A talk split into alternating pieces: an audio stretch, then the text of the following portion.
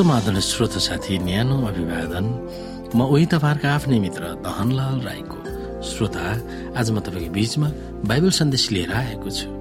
आजको बाइबल सन्देशको शीर्षक रहेको छ विश्व मिसन वा लक्ष्यको रङ्गशाला।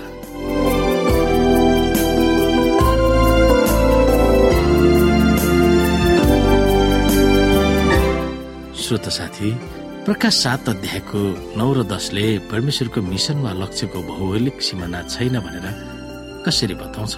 हामी यहाँ हेर्न सक्छौ। यसपछि कुनै मानिसले गर्न नसक्ने एउटा ठूलो भेट जो हरेक जाति सबै कुलहरू मानिसहरू र भाषा बोल्नेबाट थियो। सेता पोसाक पहिरेर हातमा खजुरका हाँगाली सिंहासन र थुमाको सामान्य उभिरहेको मैले देखेँ। तिनीहरू उच्च स्वरले कराए सिंहासनमा विराजमान हुनुहुने हाम्रा परमेश्वर र थुमामा मुक्ति छ।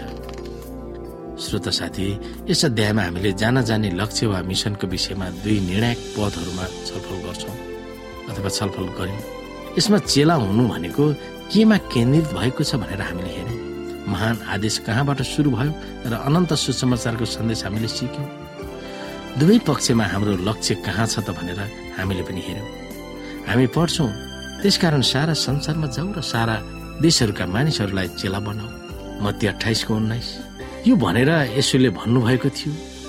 पृथ्वीमा रहने हरेक जाति कुल भाषा र मानिसलाई घोषणा गर भनेर स्वर्ग दूतलाई भनिएको थियो।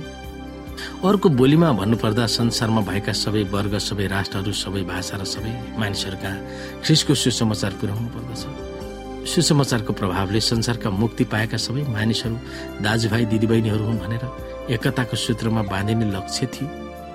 हाम्रो केवल एकजना मात्र नमुना हुनुहुन्छ जसको अनुसरण हामीले गर्नुपर्छ।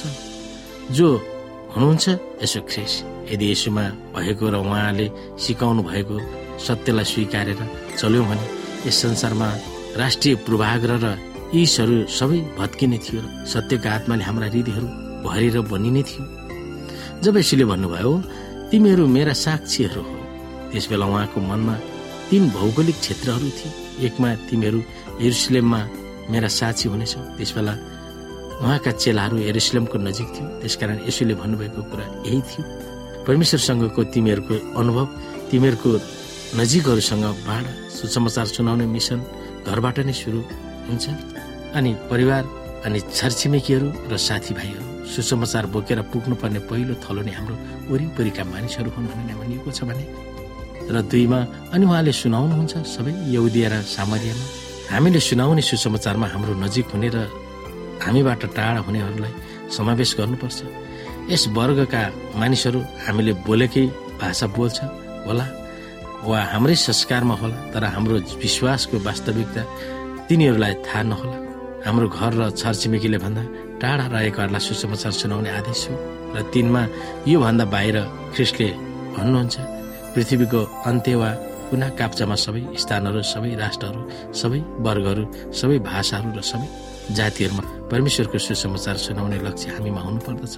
यो नै हाम्रो मिसन वा लक्ष्यको आखिरी स्थान हो।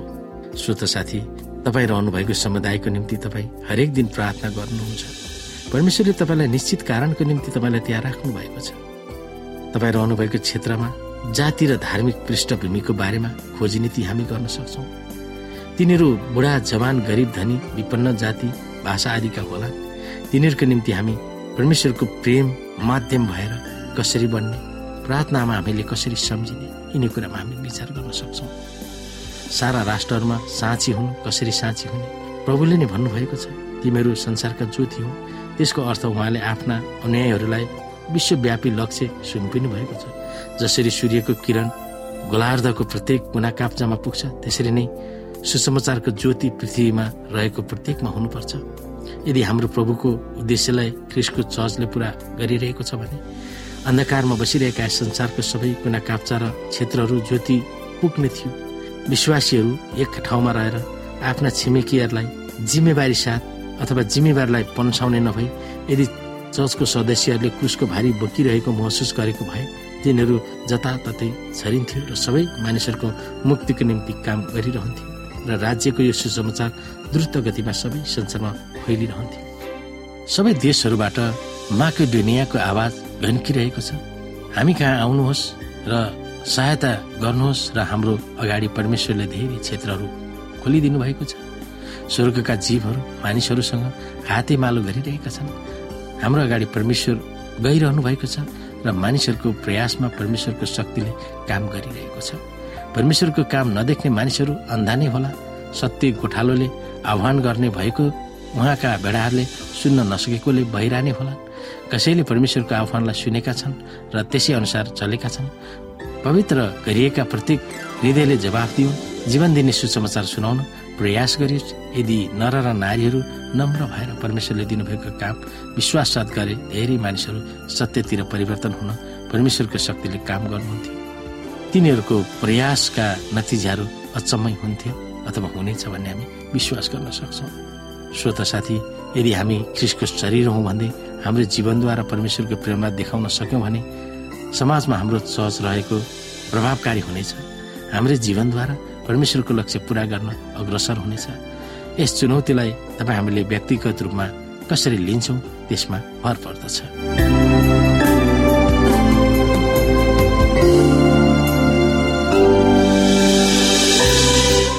श्रोता साथी आजको लागि बाइबल सन्देश यति नै।